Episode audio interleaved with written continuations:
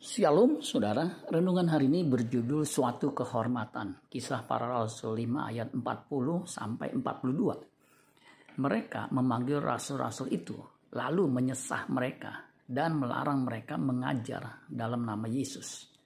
Sesudah itu mereka dilepaskan. Rasul-rasul itu meninggalkan sidang mahkamah agama dengan gembira karena mereka telah dianggap layak menderita penghinaan oleh karena nama Yesus.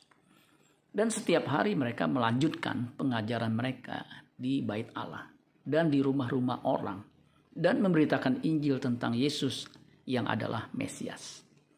Apakah orang Kristen tidak akan mengalami penderitaan? Ada ajaran yang menegaskan bahwa orang Kristen tidak akan menderita karena Kristus sudah menderita baginya. Tentu ajaran ini tidak selaras dengan ajaran Injil sejati. Buktinya, para rasul menderita aniaya karena Injil. Tetapi penderitaan itu tidak membuat mereka berhenti memberitakan Injil.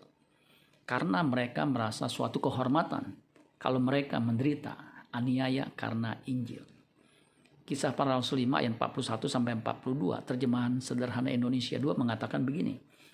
Tetapi rasul-rasul itu pergi dengan sukacita dari sidang mahkamah itu karena mereka merasa adalah suatu kehormatan kalau mereka dianiaya demi Yesus dan mereka tidak berhenti mengajarkan kabar baik bahwa Yesus adalah Kristus yang dijanjikan Allah. Mereka memberitakan hal itu setiap hari di rumah Allah dan di rumah-rumah orang. Amin buat firman Tuhan. Tuhan Yesus memberkati. Sola Gracia.